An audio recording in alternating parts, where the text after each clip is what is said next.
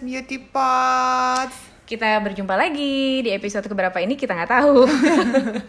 Seru banget ya kalau kita ngomongin soal kecantikan yang hubungannya sama kesehatan. Termasuk salah satu kegiatan yang include keduanya, terus booming banget belakangan ini sejak orang-orang mulai di rumah aja. ya, karena Which dulu is- berjemur. Yeay. Yes. Ka- Kalau sekarang tuh kayak the new eating ya. Semua orang tuh berjemur karena pengen sehat kalau sekarang. Kalau dulu nggak. Nggak kepikiran karena mau Nggak. berjemur tuh rasanya kayak aduh takut ah serem Takut hitam. Iya. Iya sih takut takut hitam. hitam, takut gosong. Aduh, tapi tiba-tiba sekarang belakangan ini kayak semua orang berlomba-lomba post di Instagramnya pose berjemur di atas genteng. Iya sih, bener bener bener. Itu lucu sih. Kegiatan berjemur favorit sambil ngapain itu sampai banyak gimmicknya, sampai banyak giveaway-nya bahkan. Oh my god, seriusan? Yes, sampai banyak gerakan-gerakan berjemur terus dengan uh, keluarga gitu. Apa sih yang terbaik nih yang bisa kita lakukan? Itu by the way handphone ibu ya? Bu? Bentar ya. lanjut lanjut. Oke, jadi terus karena saking hitsnya nih berjemur ini, terus semua orang kayak mengeluarkan ilmunya masing-masing, termasuk para tenaga medis, saintis, itu semuanya langsung mengeluarkan teorinya.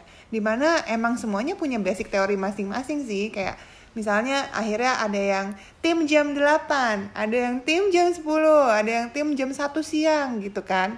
Mamci termasuk tim yang mana? Aku tim yang belum panas-panas banget. Pokoknya ya. pokoknya, ya. Pokoknya ya nggak ada itunya ya. Nggak pokoknya gue nggak mau hitam dong, kan tahu ya suntik putih mahal. Kita udah bahas di Iya. episode pertama perdana ya. Nggak mau rugi dong aku. Oke. Eh, emang sih kalau misalnya kita ngomongin soal berjemur itu kan banyak yang takut. Makanya orang Indonesia itu cenderung kadar vitamin D-nya tuh rendah. Hmm. Padahal tujuan utama dari berjemur ini sebenarnya adalah untuk menghasilkan vitamin D di kulit kita. Yang bagus untuk apa? Untuk kesehatan termasuk daya tahan tubuh pastinya. Nah, kalau misalnya orang udah takut hitam duluan, Hmm. itu karena sebenarnya salah eh, dalam melaksanakan si berjemurnya ini gitu jadi nggak tahu jam berapa harus gimana biar nggak hitam terus yang mau didapetin tadi vitamin D nya malah nggak dapet yang ada malah kebakar kulitnya Jadi kalau kita udah panas-panasan, gerah-gerahan, berjemur siang-siang, ternyata itu salah ya, nggak dapat juga vitamin D-nya ya. Eh, dapat vitamin D nya memang sih kalau berdasarkan teori vitamin D itu kan eh, dihasilkan dari UVB yang mostly adanya di atas jam 10 Oke. Jadi ketika berjemur itu ada beberapa faktor yang harus kita perhatikan. Kayak misalnya nih, kalau berjemurnya itu eh, pengen tujuannya sehat itu tadi, berarti pengennya provitamin D-nya yang muncul, bukan trendingnya nih ya. Iya, iya. Nah ini berarti kita perhatikan dari beberapa faktor. Yang pertama lokasi, kayak misalnya eh, bujur lintang. Hmm. Bujur lintang suatu daerah pasti mempengaruhi, ya kan? Susah ya, Bu. Enggak dong, kayak misalnya kita nih mau bilang jam 10 nih dari Sabang sampai Ja- sampai Merauke kan bisa beda Iya sih, bener- kondisinya. bener banget. Nah, terus tergantung dari tinggi rendahnya daerah juga. Kayak misalnya jam 10 di atas gunung sama di pantai pasti udah beda banget juga Iya kan. sih, benar, Nah, benar, benar. Jadi pasti beda-beda nih rumah aku sama rumah Mamci juga lokasinya beda. Uh-uh. Udah pasti eh, efeknya ketika berjemur di jam yang sama belum tentu menghasilkan atau punya kadar UV yang sama Iya, iya, gitu. iya, benar, benar. Terus selain letak, itu waktu pagi, siang, sore, malam pasti beda dong UV-nya. Malam ya nol, nggak ada. Jadi harus ada sinar mataharinya. Terus yang eh, mempengaruhi juga adalah musim. Ya kayak di Indonesia musim cuma ada dua.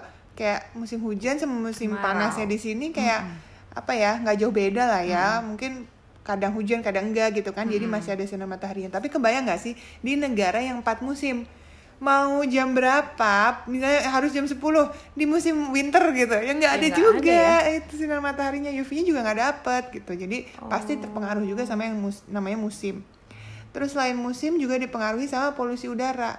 That's why di pedesaan orang berjemur dengan orang di perkotaan pasti efeknya akan beda. Oh, gitu. oke, oke, oke. jadi banyak banget faktor yang mempengaruhi kepentingan si berjemur ini. Makanya nggak bisa memaksakan semua orang harus berjemur di Jam jam, yang yang sama sama, ya. yes itu dia. Karena kalau misalnya kayak di Bogor jam 8 belum terlalu panas, di Bekasi udah panas banget gitu Eh, ya. apalagi di Menteng ya kan? Iya, iya, rumah eh, aku ya. rumah kamu ya Oke. sun sun Sun, sun. Hmm, amin. amin Jadi tapi sebetulnya ya, eh, aku kan nggak nggak nggak suka ya berjemur jadi ke- kemarin juga karena ada si isu-isu corona ini terus katanya berjemur tuh baik segala Hmm. macam tapi sebenarnya boleh nggak sih kalau misalnya aku vitamin D-nya aku minum aja gitu Yes, jadi gini, karena nggak semua orang boleh berjemur justru. Oke. Kenapa? Karena tadi kan macam-macam nih kadar UV-nya. Nah, sinar ultraviolet yang masuk ke kulit kita itu sebenarnya akan menghasilkan vitamin D juga dengan kualitas yang beda-beda, tergantung kulit masing-masing. Kayak misalnya gini, Mamsi kan sekarang kulitnya putih nih, putih kekuningan nih kayak aku nih. Eh, kita tuh 15 menit aja itu udah menyerap UV yang cukup banyak. Hmm. Jadi udah kecukupan vitamin D-nya udah baik gitu. Tapi kebayang nggak kalau kayak Mas Jojo gitu. Terus dia kulitnya kan hitam banget nih, kayak gelap lah. Biasanya orang-orang yang kulitnya lebih banyak pigmennya itu akan lebih sulit untuk menyerap ultravioletnya itu. oh karena si pigmen tuh fungsinya emang melindungi kita ya Kayak payung di kulit. iya kan bener ya Yes. Itu Oh, dia. oke, Jadi kalau dia berjemur 15 menit, ya kadar vitamin D yang masuk ke tubuhnya, ya pasti akan sedikit. Yang dihasilkan di tubuhnya pasti akan nggak sebanyak kita berjemur di waktu yang sama. Oke. Meskipun jamnya sama, meskipun lama waktunya sama, tapi dia butuh waktu yang lebih lama justru dibandingkan kulit yang lebih terang. Hmm, Tapi iya, ada iya. problemnya. Berjemur dengan waktu yang cukup lama pasti akan ada efek negatifnya. Yang Kayak ke kulit juga. Oh. itu pasti akan beresiko kanker kulit. Ah, ah, itu dia Nah. kan yang serem makanya kita tuh kan pakai sunscreen jadi gini loh ini suatu kesalahpahaman aku ya selama ini Hmm? jadi aku tuh pakai sunscreen supaya aku nggak hitam Oke. dan aku baru tahu ternyata aku baru tahu kalau pakai sunscreen tuh biar kita nggak kanker kulit Oh iya. Jadi Tapi tujuan aku tuh beda gitu loh. Dua-duanya dapat. It's okay Oke. lah. Jadi karena pas kemarin aku pernah ke Bali sama teman-teman aku tuh salah satunya tuh bule. Yang si bule ini tuh kayak pede banget gitu nggak pernah mau pakai sunscreen. Terus temen gue bilang dia tuh selalu kayak gitu deh. Dia kayaknya pengen kanker kulit deh. Terus gue bilang emang pakai sunscreen tuh biar nggak kanker kulit ya? Hah dasar wanita bodoh karena selama ini lo pakai sunscreen buat apa? Biar nggak hitam gue bilang gitu. Oh my god katanya. Oh ternyata gitu. Karena sinar ultraviolet itu tujuannya bisa membuat si kulit kita tuh jadi rusak. Makanya Si akhirnya sel-sel ya sel-sel di kulit itu bisa mengalami kerusakan bahkan bisa mengakibatkan si perubahan menjadi kanker itu. Oke. Gitu loh, Nah. bahayanya ultraviolet itu. Jadi ada plus minusnya ya. Mhm. Nah, selama ini kan kalau aku nonton iklan pemutih kulit ya, mereka kan selalu melindungi dari UVA, UVB. Itu jujur, gue tuh nggak pernah tahu itu UVA, UVB itu apa. Hmm, Oke. apa sih? Kan gue awam ya, Oke, gue pengennya oke. cantik tapi nggak mau belajar. Eh, iya, oke baik. Ikutin aja gitu ya. Oke. Oke. Jadi sinar ultraviolet itu jadi gini, sinar matahari itu macam-macam. Ada sinar ultraviolet, ada infrared mostly. Oke. Sinar ultraviolet itu ada tiga macam.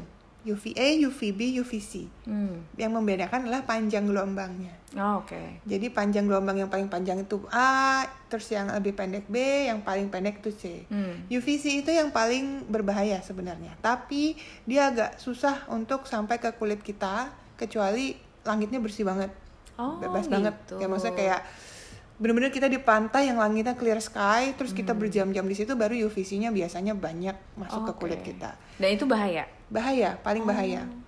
Tapi kita bisa proteksi itu bener pakai sunscreen atau sunblock. Nah Hmm. bedanya sunscreen dengan sunblock, Oh, itu beda ya? Beda. Oke, aku baru tahu, guys. sunscreen itu menyaring, Oke. screening. Oke. Sunblock itu memblok, menghalangi. Oh, iya, iya, iya. Artinya kalau sunscreen itu cuma sebagian yang bisa lolos ke kulit kita. Oh. Kalau sunblock itu bener-bener nggak ada yang masuk. Oh gitu. Dia ngeblok. Makanya si teksturnya kalau sunblock lebih kental gitu ya? Mostly dia terbuat dari eh, krim, Iya. mostly. Tapi ada juga yang bentuknya spray sih. Oh Kayak iya ada. sih. Ha-ha. Kalau si sunscreen itu emang biasanya lebih cair ya nggak sih? Iya bisa juga. Kalau yang gue dapat dari klinik lo, sunscreen ya? sunscreen, mostly Oh, kalau iya, yang dipakai daily adalah sunscreen. Karena sebenarnya kita tetap butuh kan ini sinar ultraviolet Matahari, ini tetap butuh, tapi tidak sebanyak itu gitu loh. Makanya harus tetap pakai sunscreen setiap hari. Oh gitu. Nah terus satu lagi nih berkaitan dengan sinar matahari dan sunscreen ya. Ada nih temen gue jadi dia itu bener-bener yang anak skincare yang pakai 10 step ya kan. Oh my god. Terus dia ngajarin gue kalau pakai sunscreen apa sunblock, eh, ya itulah ya. Itu mesti banyak banget yang tiga jari setengah gitu loh diolesin krimnya. Gue yang kayak gila muka gue udah kayak gorengan buat buka puasa ya, Bo. Ini banget berminyak, Berminyak banget. Terus banget. gimana gue mau nempelin bedak? Kebayang kalau misalnya udah gitu gue wudhu ya hilang lah itu gitu. Terus gue ulang lagi. Gue habis buat di pakai sunblock hidup gue. Iya sih, tapi Itu emang benar kayak gitu harusnya. emang harus nutup. Jadi kalau memang kita mau misalnya olahraga di luar luar ruangan di bawah sinar matahari, kita nggak boleh tanpa proteksi. Kayak berjemur pun kalau misalnya kita berjemur di rumah mau dalam jangka waktu yang cukup lama, misalnya lebih dari setengah jam gitu ya sambil olahraga, harus pakai sunblock atau sunscreen dan memang penggunaannya bukan kayak krim wajah yang irit-irit gitu. Oh. Jadi dulu aku pernah ngajarin nih dokter Os nih, zaman dulu tuh masih bisa kelihatan prakteknya kan. Ah. Jadi kalau dihitung kira-kira nih untuk ukuran satu wajah itu adalah satu jari, Satu jari telunjuk penuh. satu jari telunjuk dari ujung atas sampai Pangkal. pangkal. Oke. Itu untuk satu wajah. Satu wajah. Itu belum sama leher. Belum. Nanti kalau misal bagian lain kayak misalnya lengan bawah di satu jari lagi. Lengan Oh. atas satu jari lagi gitu. Oh, Jadi gitu. bukan kayak ditotol-totol gitu. Nah itu pemakaiannya kapan? Setelah moisturizer. Setelah moisturizer. Jadi kita pakai serum, pakai moisturizer, terus Yes. pakai sunblock, terus Yes. baru pakai bedak. Nah, gini, sunblock itu kan kalau kita pakai untuk beraktivitas di luar ruangan. Hmm. Kalau misalnya kita mau olahraga, kita nggak perlu pakai bedak kan? Iya. Nah, makanya kenapa kalau di krim-krim dokter biasanya dikasihnya sunscreen, di mana dia masih bisa ditempelin bedak. yes Oh, masih bisa iya. ditutupin, nggak terlalu oily, Oh, iya, nggak iya, terlalu iya, ngerti, greasy ngerti, ngerti. gitu. Oh iya iya iya. Itu tuh emang penting banget ya. Yes. Karena aku kan udah pindah dokter kulit berkali-kali ya. Hmm. Baru sama baru di kliniknya dokter ini aku disuruh pakai sunscreen. Kalau yang kemarin-kemarin tuh enggak. Padahal tuh penting banget loh. Iya sih. Kenapa kita harus pakai sunscreen setiap hari? Karena gini, kan tubuh kita ini punya proteksi yang eh, keren ya. Heeh. Makanya dia bikin yang namanya payung-payung tadi di kulit. Yang namanya sel pigment tadi melanositnya itu bikin payung-payung yang kelihatannya di kulit kita jadi bentuknya apa kalau di muka? Flek-flek hitam. Iya, Tapi iya. sebenarnya flek-flek hitam itu proteksi tubuh kita supaya sinar ultravioletnya nggak merusak lebih jauh ke dalam kulit kita. Mm-mm. Makanya orang-orang yang punya warna kulit lebih eh, gelap itu biasanya lebih ren, eh, lebih kuat eh, terhadap kanker resiko kanker Hmm. dibandingkan orang yang kulit putih biasanya lebih rentan terhadap resiko kanker. Gitu. Oh, gitu. Gitu. Tapi kan nggak enak ya dilihatnya kalau ada flek-flek hitam. Iya makanya benar. harus pakai sunscreen minimal gitu setiap hari eh, supaya nggak muncul tuh sunscreennya karena kan tubuh jadi nggak perlu bikin itu karena Iya, udah ada si payungnya nih, ada, oh, payungnya si sunscreen itu gitu. Nah, kalau si flek-flek yang di muka aku ini yang ada kayak titik-titik spot-spot hitam Hmm? Yes. gitu ya, yang biasa gue laser. Itu tuh bagian dari itu. Iya itu, itu namanya. Dan jadi ini bukan bukan karena gue aging. Oh, beda lagi. Beda jenisnya gitu. beda lagi. Biasanya aging juga akan mempengaruhi, terus eh, hormon juga mempengaruhi. Jadi banyak yang bisa mem- membuat eh, ekspresi dari si sel-sel pigmen itu untuk keluar di kulit. Termasuk salah satunya sinar ultraviolet. Oh, Gitu. gitu. Terus kalau Hmm. Nah, gue kan punya anak nih dua yang kakaknya ini gelap ya. Mm-mm. Adiknya tuh putih. Waktu yang kita ke Bali bareng, inget gak sih? Iya. Itu kan mereka pagi-pagi berenang di pantai. Yes. Si kakaknya tuh langsung gelap banget Bener. gitu. Adanya enggak sama sekali dan gue tuh gelap banget juga Kayak langsung. Ania. Iya, Ania iya. udah langsung gelap banget, tiba-tiba yaudah Tetep nggak ada biasa apa-apa. aja. Iya bener loh. Itu ya. Nanti aku liatin fotonya. Aku aku juga kaget. Hah ini aku cuma sebentar. Kayaknya cuma setengah jam. Di, Hmm. Dan matahari pagi juga. Aku pikir di Nusa Dua. Aku pikir nggak akan sejahat matahari sore. Ternyata salah guys. kalau di Bali tuh kalau lo mau berjemur. Kalau nggak pengen hitam-hitam banget sore aja ya. Yes, betul. Karena kadar UV yang paling tingginya UVA-nya udah turun di sore hari. Oh my god. Tapi itu sebenarnya- cepet banget gosongnya parah. Gini, kan tadi aku udah bilang nih soal UV index. Mm-mm. UV Iya sih, index harus itu, itu ya. harus dilihat. Tadi kan berjemur tuh tergantung lokasi dan lain-lain. Nah, caranya sebelum kita keluar rumah untuk berjemur, itu kita ambil patokan dari UV index itu aja. Nah UV index itu bisa kita lihat di mana sih? Mungkin Mamsi pernah merhatiin gak sih kayak listeners nih pasti kan punya handphone dong dengerin Hmm, ini ya kan. hmm. Nah di handphone kita tuh pasti ada weather. Weather itu atau cuaca Hmm. untuk ngelihat eh, ini suhunya berapa sih, perakiraan cuacanya hujan gak atau panas gak. Nah di salah satu tulisan itu ada loh yang namanya UV index. Dan biasanya dia lokasinya nih kalau di Apple biasanya ada di paling bawah. paling bawah ya Tapi ke mana aku lihat Androidnya teman aku ada di bawah juga sih. Jadi di Hmm, paling jadi bawah juga di ada namanya- pojok gitu ya, Di si UV pojok index. tulisannya UV index dan itu ada angkanya. Biasanya tuh keluar angkanya 0 sampai 11 plus biasanya. Mm-mm. Nah itu apa sih sebenarnya? Ya itu kita bisa lihat UV index itu aman nggak kita untuk berjemur. Jadi nih aku bacain aja ya.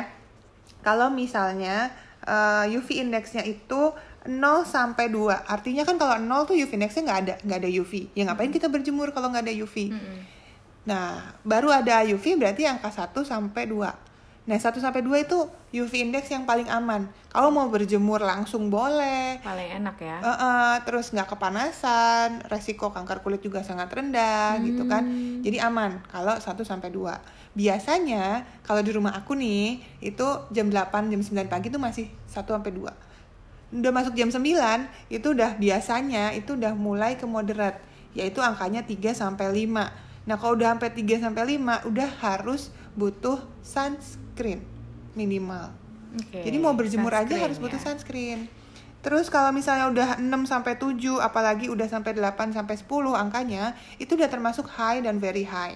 Nah, itu udah butuh proteksi yang lebih hebat lagi. Maksudnya kayak pakai topi, pakai kacamata hitam, pakai apa payung atau pakai baju yang anti UV gitu. Kalau misalnya kita mau lama nih berjemurnya sambil olahraga misalnya di ruang ruang di luar ruangan kayak misalnya kita berjemur di pantai yang tadi kita waktu di Bali itu itu kan udah udah UV index udah tinggi banget kan pasti. Makanya bisa bikin kita kebakar kulitnya juga gitu. Makanya bahaya banget. Nah kalau udah di atas 11 itu udah ekstrim. Jadi udah tidak disarankan lagi untuk berjemur karena resiko kanker kulit akan sangat tinggi. Jadi ya kalau misalnya kita lihat oh di rumah nih biasanya di rumah aku nih jam 11 aja. Itu udah UV indexnya pasti selalu di atas 11 kayak udah di atas angka 13 rata-rata. Oh my god panas banget ya. Panas banget. Jadi udah nggak boleh lagi untuk berjemur di jam segitu. Kebayang nggak kalau aku dipaksain oke harus berjemur di tim yang jam 10 ya jam 11 ya. Oh my god aku udah eh, kering kerontang kayaknya kayak kerupuk Iya ya iya kan? benar. Itu penting banget sih buat dikasih tau karena kan sekarang apalagi kalau punya nenek kakek kan mereka jadinya pada berjemur tuh ya tiap pagi. bener Nenek gue kadang gue WhatsApp, eh gue WhatsApp, gue video call tuh jam 10 Lagi ngapain? Lagi berjemur? Gak usah berjemur jam segini, lihat UV index dulu. Nah makanya ini penting banget nih Mamci apalagi kalau kayak orang tua gitu ya sebenarnya kan daya serap ultravioletnya udah rendah banget. Makanya sinar eh, UV yang masuk tuh malah jadi ke kulit aja. Bahkan Oh, gitu ya? menghasilkan vitamin D-nya juga malah Susah nggak- juga nggak ya? bagus gitu loh. Oh. jadi yang ada malah lebih besar resiko dan Daripada- mudaratnya dibandingkan manfaatnya. Oh, makanya orang-orang di atas usia 45 tahun itu malah justru nggak disarankan berjemur lama-lama. Mungkin hanya sekedar untuk refreshing aja tapi yang disarankan adalah harus konsumsi suplemen vitamin D. Oke. gitu. Dan kalau misalnya tadi aku di awal ngomong iya orang Indonesia kan takut hitam makanya kadar vitamin D-nya tuh rendah-rendah. Emang sih itu bikin kita rentan terhadap eh, apa penyakit-penyakit infeksi. Makanya di masa pandemi ini digalakan kan ayo semua orang berjemur gitu. Ya ada manfaatnya. Bukan cuma untuk ngusir si corona aja Mm-mm, yang lain-lain juga ya. tapi ya untuk kesehatan lainnya gitu. tapi bukan berarti terus karena udah berjemur terus udah pede nih oh berarti corona nggak bakal masuk dong ke tubuh. Ya Salah enggak. juga ya. karena vitamin D ini kan emang tujuannya untuk mengoptimalkan kinerja dari sistem imun aja bukan terus berarti jadi kebal terhadap si virus gitu Si suplemen vitamin D soalnya nggak terlalu populer kayak vitamin C gitu ya. Nggak Yes, sih vitamin C, vitamin E itu kayaknya kayak populer banget vitamin A buat mata, Hmm. C buat kesehatan, terus vitamin E buat kecantikan kulit. Tapi D itu kayak aku aja bahkan nggak tahu kalau mau beli vitamin D di mana gitu. Hmm, memang sih kalau orang Indonesia karena dipikir dapat banyak sinar matahari. Padahal kalau di luar negeri itu kayak suplemen basic tuh pasti ada vitamin D-nya. Jadi kayak udah banyak banget pilihannya opsinya. Jadi selama ini untuk aku sama anak-anak sih kita akhirnya beli produk-produk yang keluaran luar negeri. Karena produk dalam negeri juga belum ada yang Nggak yang banyak gitu ya. banyak atau memadai sih sejauh ini gitu. Oh, Ah, terus satu lagi nih aku mau ngasih tahu soal SPF nih kayaknya banyak banget yang salah kaprah deh. kenapa tuh? Kamu pikir SPF buat apa? Ayo coba Kan kalau Sun sunblock sunscreen nih. filter. Fa- eh, Factor, factor. Oh salah. Sun protection factor. Apa tuh? Kalau misalnya beli sunblock atau sunscreen gitu, milihnya SPF berapa? Yang paling tinggi. Kenapa? Karena katanya kalau pakai SPF yang paling tinggi jadi bisa melindungi kita lebih lama. Ya, kalau lebih lama betul. Tapi bukan berarti eh, makin kuat perlindungannya ya. Mm-mm. Perlindungannya Tapi cuma waktunya aja, Tapi kan? waktunya aja. Jadi nggak harus reapply sering-sering gitu kan. yes, betul. Nah, kadang-kadang orang mikirnya gitu, karena aku udah pakai yang paling kuat, udah nih aku kuat banget nih. Jadi harus beli yang paling tinggi. Sebenarnya tergantung berapa lama sih kita mau beraktivitas di luar ruangan. Kayak misalnya nih gini. eh, kalau misalnya kita biasanya kebakar kulitnya dalam waktu 15 menit, Mm-mm. udah mulai panas gitu ya. Nah, terus kita mau pakai produk yang SPF-nya 10. Mm-mm. Artinya kan dia akan memperpanjang waktu kulit kita eh, sebelum terbakar. Jadi cara ngitungnya ya 15 menit dikali 10. Jadi sekitar 150 menit atau dua setengah jam Hmm, gitu. Tapi kalau kulitnya biasanya eh, terbakarnya eh, 10 menit gitu ya. Terus nggak pakai krim apa-apa, terus pakainya eh, pengennya SPF-nya 30. Ya, dia akan beri protection sebanyak 300 menit. Gitu. 30 yang SPF-nya 30 itu Mm-mm. 300 menit.